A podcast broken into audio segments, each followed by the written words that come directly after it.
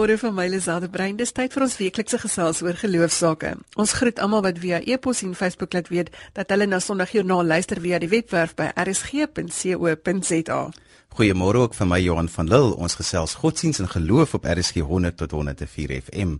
Vandag hanteer ons 'n paar onderwerpe wat luisteraars voorgevra het. Ons volg 'n interessante reis of voetspore van mense wat reg oor die wêreld gekuier het om te hoor hoe die evangeliese hart klop en antwoord 'n paar vrae. Ons skop af met 'n insetsel uit die Vatikaan. Gilma Stander het met 'n Suid-Afrikaner gesels wat aan die hoof staan van die Vatikaanse se Engelse radioafdeling. Niels Jackson gesels oor die El Camino pelgrimsroete in Spanje en Elmarie Olivier gesels oor die werk van die Christian Copyright Licensing Association. Ons het ook op versoek ons gesprek oor die Israel en Gaza oorlog voort met Dr Boy Geldenhuys, 'n voormalige ambassadeur in Jordanië.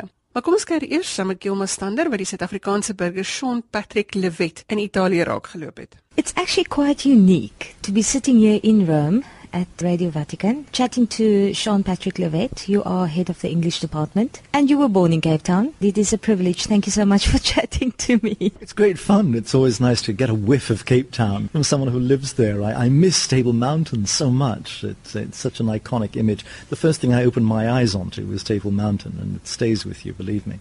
Sean, it's been a long road for you from Cape Town, where you were born, to here in Rome, in the Vatican City, where we are sitting in the conference room where you normally hold your conferences. Did you ever think you would land up here? Is this where, what your dream was all about? No, on the contrary, it's the last place in the world I wanted to be. I really wanted to be in television, not in radio, and I really wanted to be in, the United States or somewhere else. I never thought that I would end up being an Italian, which is what I am. My children are born here in Italy. My, my horse is Italian. My house is Italian. Uh, no, this is not where I thought I would end up. But radio was on the cards from a very early stage. I was five and a half years of age when uh, a friend of my father's asked if he could use his five and a half year old son for a radio commercial on something called SABC. I remember the smell of the, of the radio studio. I remember standing up on a chair because I couldn't reach the microphone. I remember um, someone telling me the lines because I was too small to read the lines and just repeating the lines of the commercial. And I knew that that's where I wanted to be. My friends were playing with toy tractors or toy fire engines. I was playing with toy tape recorders.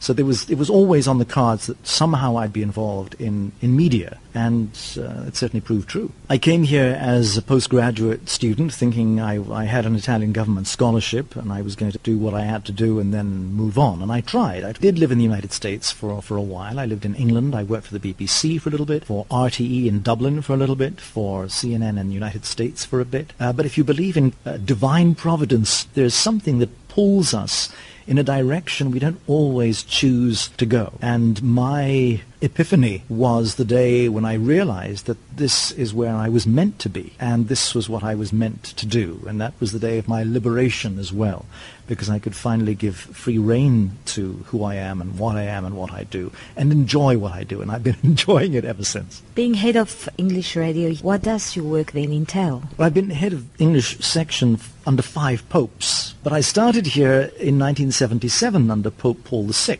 and there they are behind you, and you, you can see there he is. There, these are the popes of Vatican Radio, and there's Paul VI, there's John Paul I, John Paul II, the traveling pope, 26 years, Benedict XVI, and of course now Pope Francis. And your role changes with the different popes because each one has a different mission, a different idea of what he wants to do with communication. For Paul VI, it was the end of a long pontificate. He'd been pope for 15 years. He'd had to close something called the Second Vatican Council.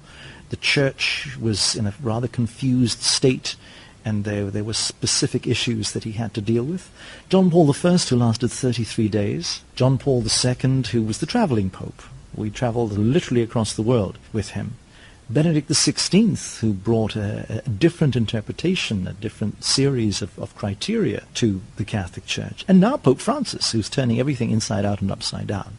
So my role as a broadcaster has had to adapt to the roles of the different popes in the past 37 years. This is a different, new, fresh era for the Catholic Church. He's different. Pope Francis, everything about him is different. He's the first pope to come from Latin America. He's the first Jesuit pope. He's the first pope to take the name Francis. Uh, he's the first pope who's decided not to live inside the Vatican Palace, to drive around in a second-hand car. I mean, these are the things that everybody knows. What people don't know is that his world view is so close to where people's need is, which is a very basic need. People need to be reminded, one, that God exists, and two, that God loves them. And it sounds very simplistic, and for some people it's even too simplistic. But I don't mind being reminded that God exists and that God loves me, that I'm, I'm important. And that's what his thrust is. Not just in words, but in gestures. Uh, you see that, or I've seen that in the last few months, very strongly in his relationship with disabled people. Uh, he was in Assisi, and instead of starting out with a big pompous mass somewhere or meeting rich and powerful people, his first meeting was with severely disabled children. And he had a prepared speech which he put aside. He didn't read a word of that prepared speech. He just spoke spontaneously off the cuff. And then he went and embraced and caressed and hugged these children. And so you say using media, he is the medium. Rather than using the media, he uses himself as the medium. You see him in St. Peter's Square, the way he relates to disabled people. He goes over to the wheelchair and, again, very tactile, hugging and caressing, and then turning to the person behind the wheelchair, which I find so sensitive because he knows that the caregiver, the person who gets up every morning and has to wash and feed and medicate that sick person needs as much comfort and consolation. That's the novelty. Right? It's not about not living in the papal palace or not wearing red shoes. It's about this very physical, basic presence physically being the love of God, not just talking about it. Maybe that's what the world needs at this stage. That also calls for Vatican Radio to, to be a trendsetter about uh, world views from the Vatican. How important is that for Vatican as a city, the smallest city in the world, to be a trendsetter also with God's love? That's a great question, Guillermo. Thank you. Thanks. It allows me to, to say what I, what I want to say, what I need to say. Where we are right now, never in the history of humanity have we known so much but understood so little. Never have we had at our disposal so many communications gadgets like the one you're holding in your hand right now hmm? like the ones we use every day, our tablets and our phones and our smart. Never have we been so much connected with other people, and never have we been so disconnected with ourselves and with the people around us. Never has there been such a crisis in human relationships as there is now. How many friends can you count? Real friends, people you know who love you and trust you and you can rely on. Children and parents, employers and employees, husbands and wives. Relationships are in crisis like, like they've never been, despite the gadgets and the tools that we have at our disposal. So I think the challenge that Francis is throwing out at us also is to go beyond all of this, to go back to the basics. What does it mean to be a human person? What does it mean to say, I love you? What does it mean to say, I forgive you? What does it mean to say, I trust you? Do you know that if you do a quick search on 2013, you'll see that Pope Francis is among the top 10 news stories of the year. He is one of the top 10 personalities of the year. Time said he was Person of the Year. He's also, this is funny, uh, he's one of the top 10 best dressed people of the year, but he's also one of the top 10 quotes of the year. And the quote that he's quoted for is, Who am I to judge? Think about, you know, what does that mean in terms of relationships? You, you and I sitting here talking to each other and meeting each other. All human relationships could begin that way by removing judgment. So I don't care what religion you are, what gender you are, what, what economic group you come from. I don't care. It's not important. I will not judge you, but simply accept you for who you are, not what you are. Think what, what would happen in the world if we could actually put all that into practice. That's the challenge, and that's what he's throwing out at us.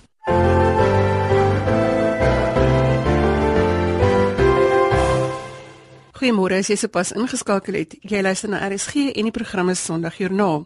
'n Luisteraar, Karina Meiburg het gevra of ons weet hoe die lisensiering van kerkmusiek werk. En vanoggend sluit Elmarie Olivier van die Christian Copyright Licensing Association by ons aan om te vertel van 'n eenvoudige, wettige en bekostigbare oplossing vir kopieregbehoeftes in die kerk. Môre Elmarie. Môre self, baie dankie dat ek hier kan wees. Elmarie, ek weet nie hoeveel gewone mense weet dat die musiek wat hulle in die kerke gebruik elke Sondag het kopiereg op nie. Wat doen Christian Copyright? Christian Copyright Licensing het begin in 1995 in Suid-Afrika want daar was 'n behoefte aan die kerke wat enige musiek wat in kopiereg is wou gebruik het. So toe het ons begin met die CCL woordelisensie wat vir die kerke toestemming gee om die woorde van liedjies te reproduseer.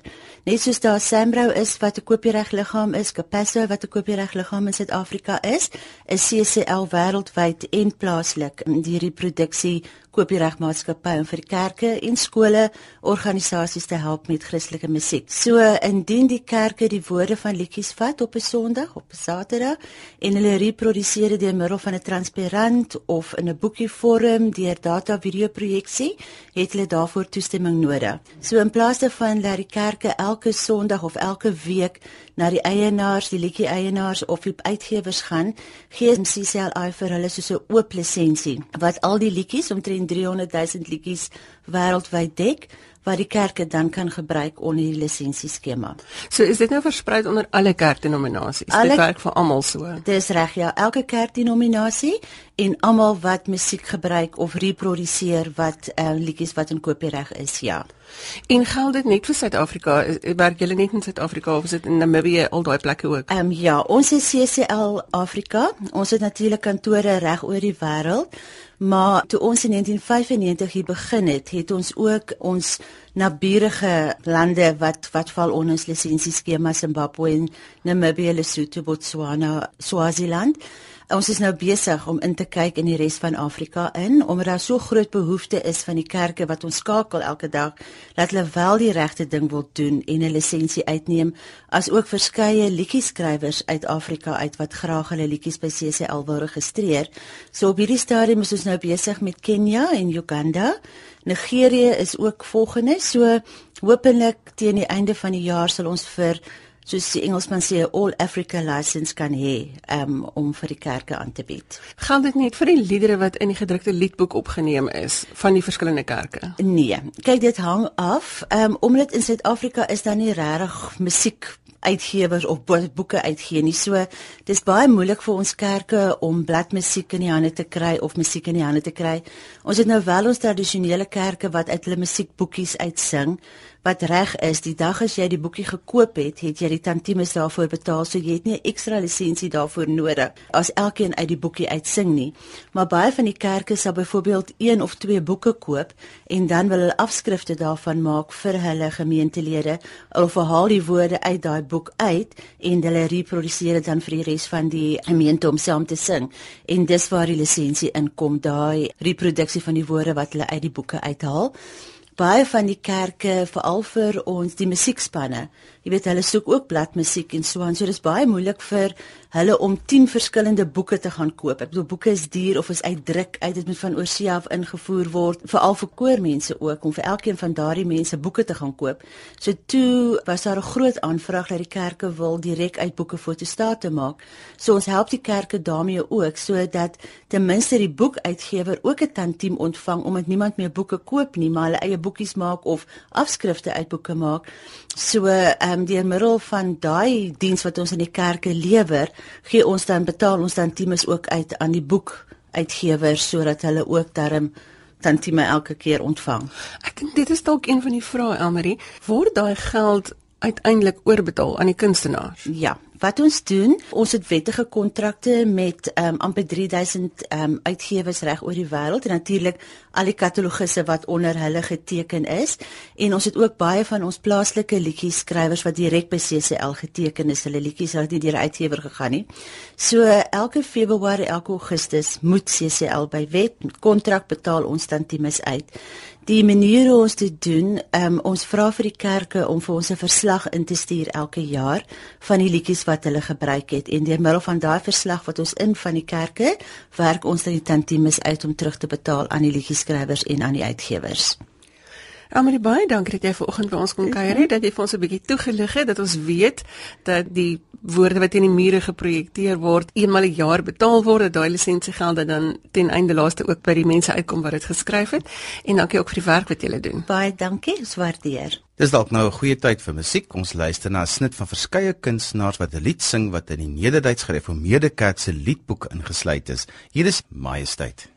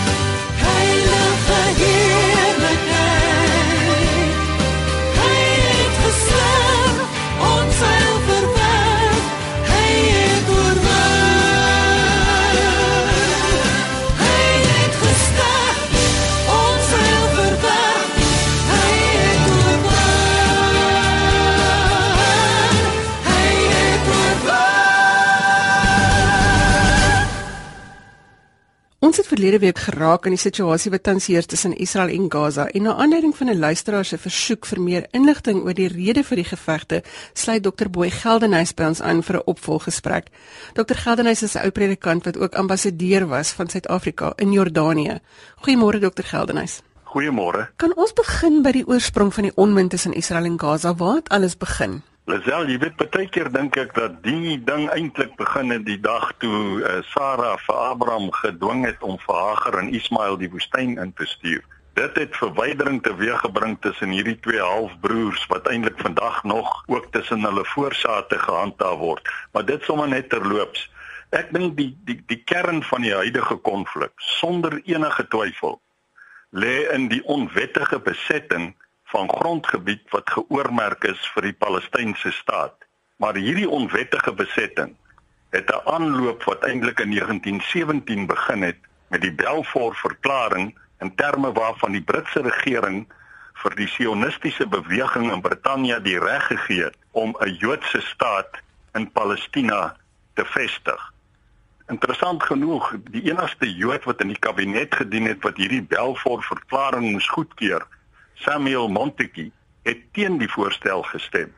In elk geval hierdie Balfour deklarasie het groot onmin veroorsaak en ook gelei tot gereelde gewapende verset teen die Britte want Palestina is intussen tyd onder Britse mandaat geplaas. Dit het so erg geword dat die Britte naderhand maar besluit het om hierdie mandaat op te sê en hulle het Palestina aan die Verenigde Nasies oorhandig. Die Verenigde Nasies kom toe in 1947 met 'n partisivoorstel, 'n poging om nou hierdie saak te beredder.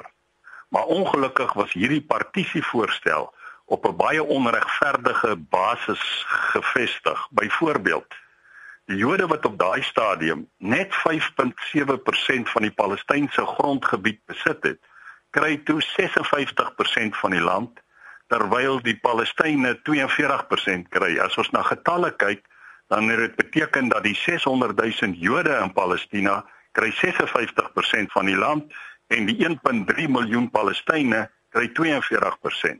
Uit die aard van die saak het die Palestynë dit verwerp. Maar interessant, hulle het nogal hulle verwerping van die partisievoorstelle gebaseer op Salomo as voorbeeld.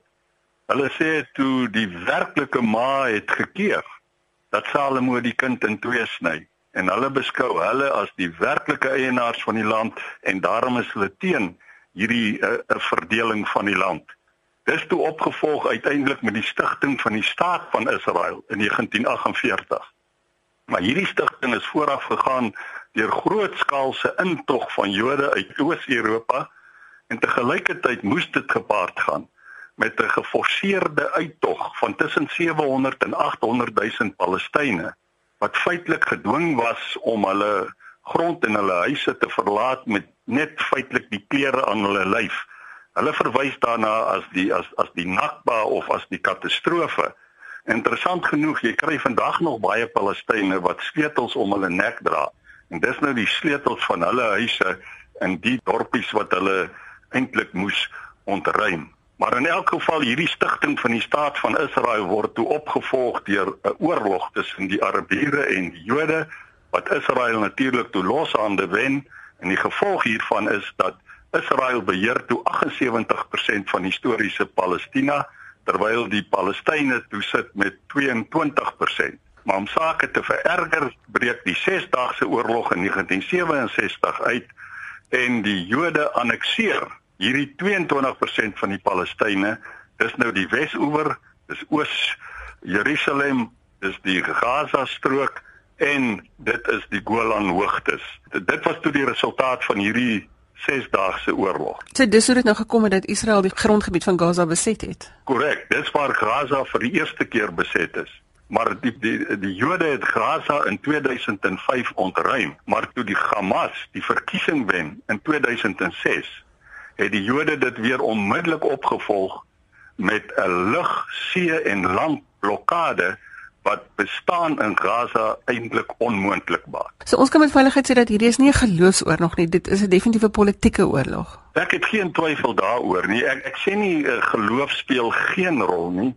Hier en daar speel dit wel 'n rol, maar basies gaan dit oor grond. Dit gaan oor twee bevolkingsgroepe wat aanspraak maak op dieselfde stukkie aarde waar hulle hulle onafhanklike staat wil vestig. Ek het dit net met uh, twee, twee voorbeelde net illustreer. Uh, tydens 'n besoek aan 'n nedersetting suid van Jerusalem, Gas Etzion, het die burgemeester vir ons gesê kom kyk bietjie hier by my uh, sitkamervenster uit. sien jy hulle hierdie stuk grond? Hy sê dis hier waar Dawid vir Goliat verslaan het en niks of niemand kry my van hierdie grond af nie. Dis my grond. Dis iets wat 3000 jaar gelede gebeur het middagete saam met die burgemeester van Bethlehem trek hy sy skouers op en hy sê maar wie's hierdie mense wat nou aanspraak maak op die land? Hulle was vir 1000 jaar nie hier nie. Hoe hoe, hoe kom dit dat hulle nou sê dis hulle land? So dit dit gaan eintlik oor grond en hulle regverdig hulle aansprake op wat in die verlede gebeur het. Die Israeliese of wat 3000 jaar gelede gebeur het toe die Davidiese konings daar was en die moslems wat die afgelope 1000 jaar gebeur het toe Jerusalem en Palestina onder moslembeheer was. Dit gee wonder dat die uh, Joodse filosoof Martin Buber gesê het enige bevolkingsgroep wat aanspraak maak op grondgebied waar sy voorvaders 2000 jaar gelede gewoon het, as dit die geval moet wees, gaan die wêreld in 'n malhuis verander. So ek dink wat nodig is is dat die Jode en die Palestynë maar die realiteit moet aanvaar dat die gebied tussen die Middellandse See en die Jordaanrivier maar in twee gedeel moet word.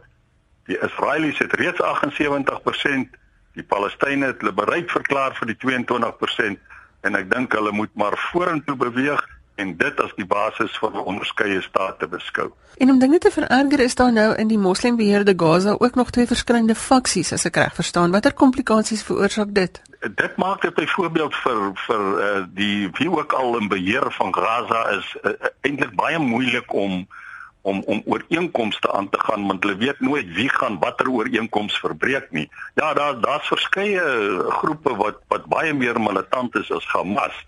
Daar's byvoorbeeld die Jerusalem Brigade eh, wat die gewapende vleuel is van die Islamitiese Jihad. Daar's die sogenaamde soldate van Allah wat sterk Al-Qaeda verbintenisse het. En dan's daar nog die regverdige voorvaders Eh, wat die glorieryke dae van van Mohammed wil herstel. Ja, dis dis baie moeilik. Hulle hulle tree nie op as 'n eenheidsgroep nie. Hoe moet ons as gelowiges ons stem laat tel? Persoonlik is ek nie ten gunste van sanksies nie want want sanksies het 'n manier om die verkeerde mense te benadeel. As sanksies oorweeg word dan dink ek uh, moet dit uh, hoofsaaklik eintlik gerig word net op die leiers element maar maar nie op die gewone uh, burgerlike bevolking nie. Maar ek dink ons grootste plig as Christene is om waar ons ook al kontak het of invloed kan uitoefen om te beklemtoon dat daar nie 'n militêre oplossing is nie. Daar moet 'n politieke oplossing kom. Mense moet kan saamsit om dieselfde tafel. Uh, dis die enigste uitweg en ek dink dis die proses wat ons as Christene ook moet probeer bevorder waar ons ook al moontlike invloed mag hê. Dr. Gandhuis baie dankie vir die saamgesels vanoggend. Ons waardeer die tyd. Jy's welkom.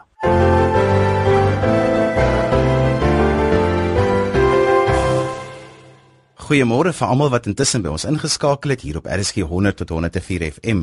Die program is Sondag Joernaal. Ons fokus skuif na pelgrimsroetes. Clarice Kutsie het vir ons 'n e-pos geskryf oor haar ervaring van die pelgrimsroete in Spanje. En vanoggend sluit die redakteur van die kerkbode, Niels Jackson, by ons aan vir so 'n bietjie meer inligting oor pelgrimsroetes en ook die roete wat hy onlangs gestap het. Môre Niels. Hallo Johannes. Die roete in Spanje bestaan al reeds van die 8ste eeu af. Vertel 'n bietjie vir ons waar die idee van pelgrimroetes vandaan kom. Ja, nee, ek dink nie iemand het op 'n dag gaan sit en dink uh, ons moet nou iets soos 'n pelgrimsroete doen. Ek dink wat gebeur het is mense het spontaan begin om te stap na plekke wat vir hulle heilige plekke was, plekke waar hulle dink hulle beter ontmoeting met God sou hê. So op hierdie manier het mense na bestemmings toe gestap en roetes het ontstaan waar langs hulle gestap het. Jy kry dit in alle godsdienste. Jy kry ek bedoel die ou Jode het na die tempel in Jerusalem toe gestap van oor die hele Palestina af. Die moslems reis van oor die wêreld na Mekka toe. So die verskillende roetes na Santiago toe in Spanje ontstaan. En die roete wat jy gestap het Niels, vertel ons waar jy begin het en jy het natuurlik ook in Santiago geëindig. Ja, miskien moet ek net eers iets sê oor Santiago. Die naam Santiago beteken die heilige Jakobus, Santiago. En ehm um, die roete na Santiago toe het ontstaan omdat uh, daar in die iets soos die jaar 810 'n graf ontdek is wat die ouens geglo het die graf is van die apostel Jakobus. Die verhaal wat in omloop was was dat Jakobus uit Jerusalem uit gaan sendingwerk doen het in Spanje. En toe hy op 'n stadium terug was in Jerusalem, ons lees in Handelinge 12 dat hy met die swaard om die lewe gebring is en dat sy volgelinge toe sy liggaam teruggeneem het Santiago toe. En daar's 'n hele verhaal hoe hulle met 'n bootjie gery het in 'n rivier op tot waar hulle nie verder kon nie en toe met 'n waane span osse die kus verder vervoer het tot waar die osse vasgesteek het en na klomp begrawe. En toe die dit nou verlore geraak in die kollektiewe geheue waar die graf is totdat die graf in die jaar 810 of daar rond ontdek is en die plaaslike biskop het dit geëien as die uitgesê dit is die apostel Jakobus se graf. En toe het mense nou van oor Europa af na Santiago toe begin stap om by die apostel se graf te gaan bid want in die katolieke tradisie word daar baie waarde geheg aan aan heiliges en enigiets wat met heiliges verbind kan word. Die spreekwoord destyds wat die roete begin by jou voordeur en dan stap jy na Santiago toe, maar so ek moes net nader kom na Santiago toe vloei die roetes in een en daar nou hoofroetes ontstaan. En so 30, 40 jaar gelede het daar 'n oplewing in die ding begin kom dat dat mense hierdie ou pelgrimsroetes weer begin stap het. En ons het wat hulle noem die Franse roete, die roete wat van die Franse grens ehm um, van Spanje um, in die Pyreneë begin en oor die breedte van Spanje 800 km ver na Santiago toe gaan. Ons het die laaste 320 km van daai roete gestap. Nou Niels, hoekom is dit vandag so gewild om hierdie pelgrimsroetes te stap? Mense doen dit om verskillende redes. Party doen dit sommer net as 'n stuk avontuur. Party mense voer vir 'n soort van spirituele redes aan in die aard van die saak, die Katolieke stap nog steeds om by die apostel se graf te kom om daar te gaan bid. Spesifiek dan nou in die kathedraal wat daar gebou is, wat oor die jare gebou is en gebou is en aangebou is en herbou is en 'n magnifieke struktuur is. Maar vir protestante vir ons ouens uit die gereformeerde tradisie is dit 'n bietjie anders want ons heg nie soveel waarde aan heilige plekke nie. Ek voel ons voel ons het oral toegang tot God. Ons hoef nie na 'n plek toe te gaan om hom te aanbid nie. Maar toe ons begin plan maak het om te stap het, het ons aanvanklik ook maar net gedink te selfavontuur totdat iemand vir ons gesê het ons moet besluit of ons dit wil doen soos toeriste of soos pelgrims. En toe het ons begin verstaan dat jy hierdie roete aanpak nie soos 'n toerist wat wat op dit op die maklikste manier doen en net dit vir die lekker doen nie, maar as 'n pelgrim wat die roete beskou as 'n metafoor vir die lewe. As 'n pelgrim moet jy lig reis. Hoe meer goed jy saamdra, hoe swaarder dra jy jy is afhanklik van die mense en die infrastruktuur wat langs die pad tot jou beskikking is. En dis maar hoe die lewe ook is. Jy moet die laste wat jy op jou neem, moet jy self dra. Jy kan nie dat iemand anders dit wil dra nie. Jy moet die lewe navigeer met dit wat tot jou beskikking is, met die mense wat wat op jou pad kom, met dit wat die gebeure en die plekke en goed wat op jou pad kom. So Niels, dis onafwendbaar 'n geestelike of 'n spirituele ervaring so reis, nê? Nee? Kyk, daar is ouens wat dit glad nie so aanpak nie, maar ons het dit doelbewus so probeer inrig. Ons het byvoorbeeld elke dag probeer om om langs hierdie kyk die roete gaan deur 'n klomp klein Spaanse dorpies en ons het doelbewus probeer om elke dag iewers in 'n oop kerkie te gaan sit en net stil te word. Ons roetine was in elk geval dat as ons so stap dan ons elke uur na uur en 'n half um, gaan sit en doelbewus rus vir 20 minute. Jy trek jou skoene uit, jy vryf jou voete bietjie en en jy rus net. Want dis een van die dinge wat 'n pelgrimstog jou leer is dat jy rus nodig het wat ook belangrik is vir die lewe. En dat ons probeer om ten minste een van hierdie rusgeleenthede in 'n kerkie te doen. Ek het elke dag het ek 'n hoofstuk uit die evangelie van Johannes gelees. Maar waarskynlik die twee groot goed Johan is dat 'n pelgrimstog jou leer van eenvoud en stilte. Omdat jy lig moet reis, omdat jy nie 'n klomp luksede en goed kan saamdra nie moet jou lewe eenvoudig wees. En dis 'n wonderlike waardevolle les vir vir 'n mens se gewone lewe. Die ander ding is dat weet in ons ons verskriklike gejaagde lewe is daar soveel goed wat ons besig hou, ons koppe besig hou. Ek het voor ons weg is om te gaan stap gevoel daar's gedurig 6 of 7 groot goed wat ek gelyktydig in my kop probeer hanteer en ek kan dit nie meer alles doen nie. Ek kan nie meer al die balle in die lug hou nie. En dan kom jy in vir ons dan 3 weke van stilte. Dit is so eenvoudig lewenstyl en dat stilte in my kop gekom, dat 'n 'n rustigheid, 'n vrede gekom wat vir my wonderlik was. Dit was die redakteur van die kerkbode Neil Jackson wat ons vertel het van die El Camino wat hy saam met sy vrou in Spanje aangepak het. Maar daar's ook nog planne dat ons binnekort 'n Suid-Afrikaanse pelgrimsroete sal hê, maar meer daaroor in 'n latere program.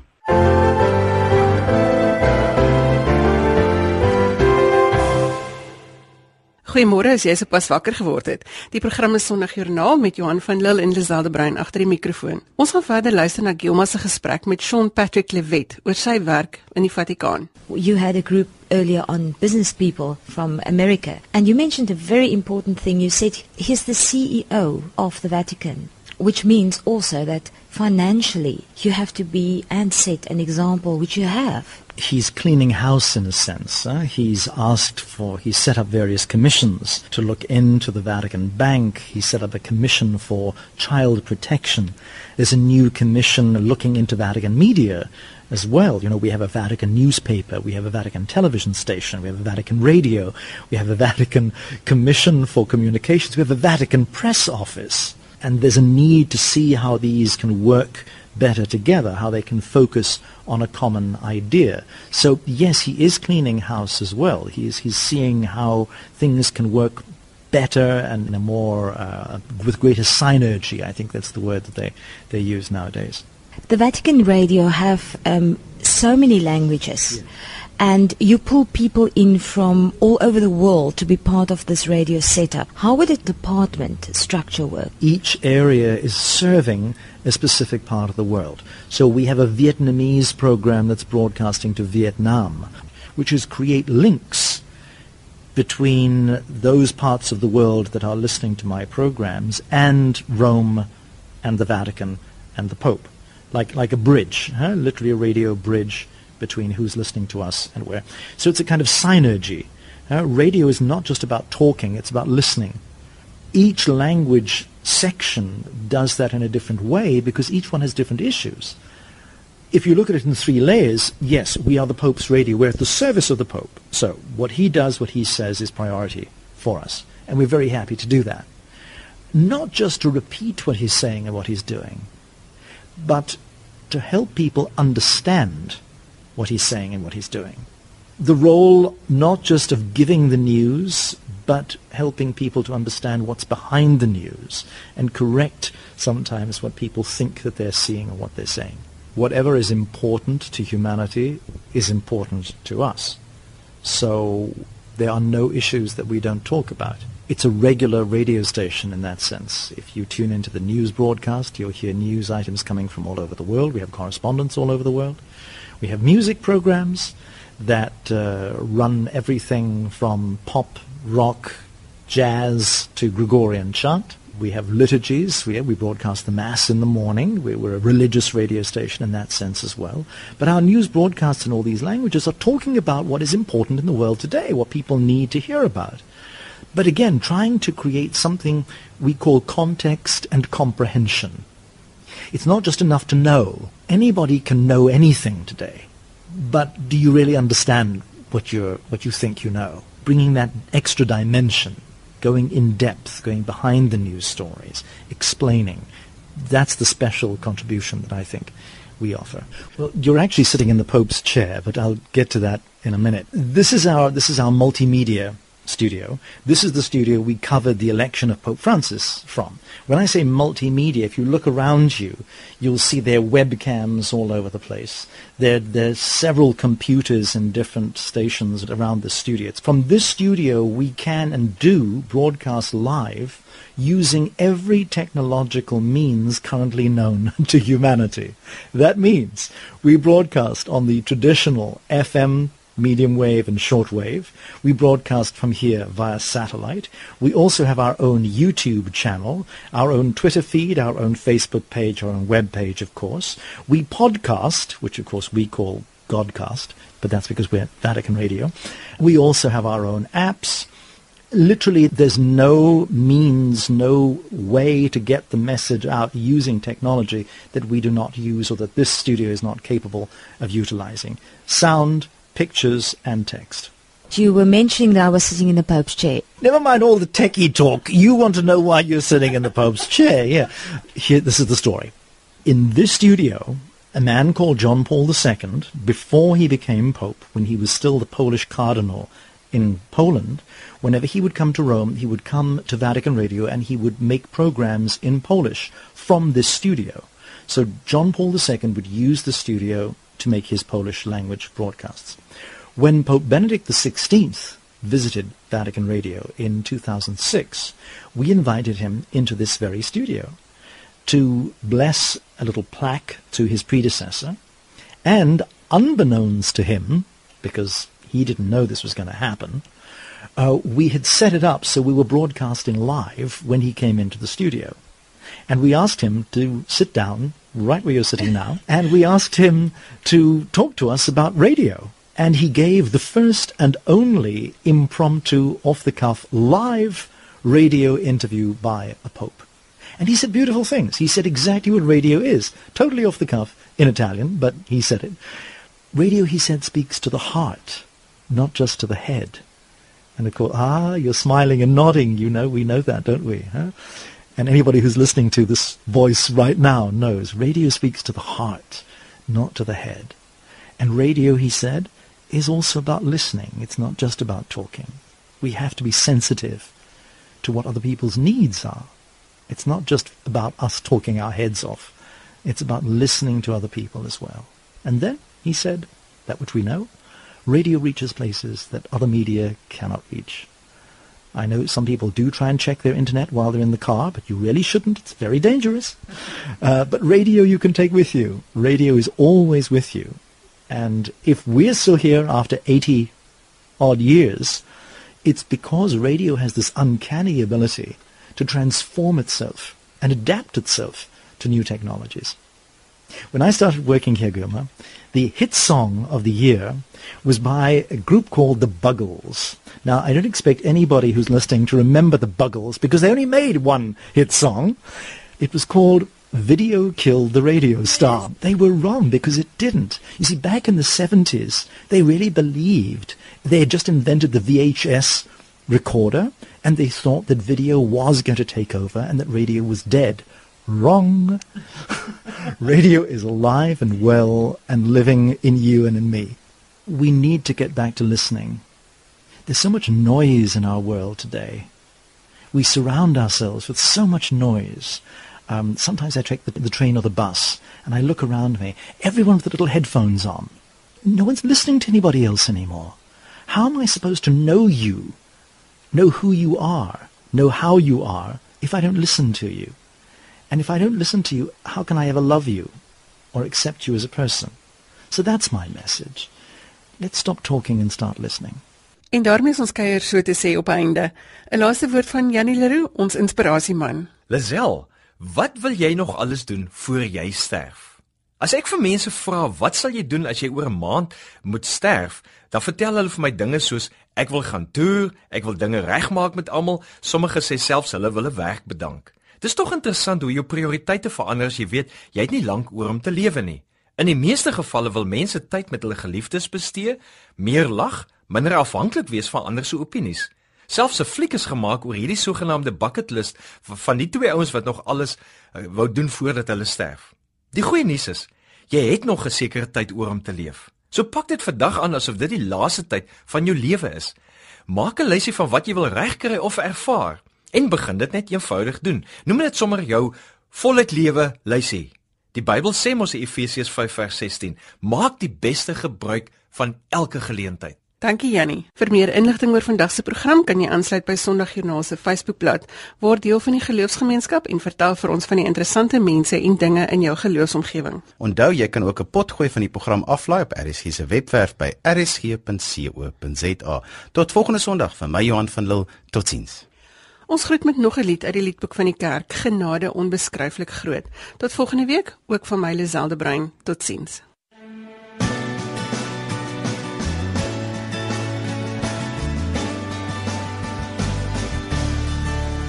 Genade onbeskryflik groot. Het u aan my bewys verlore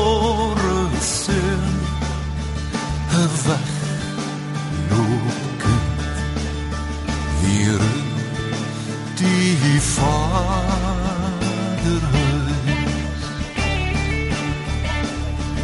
ek is die naam van 'n kind nie wat wou self my sakeriel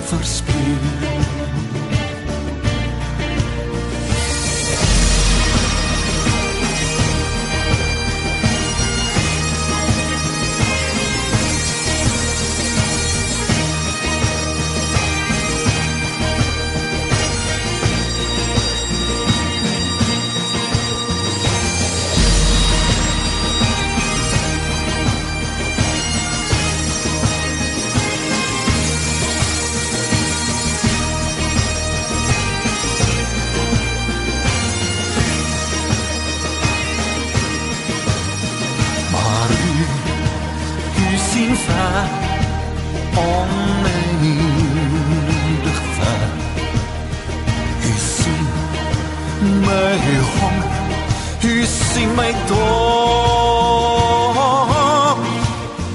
Nog voordat ek kon skuld beleid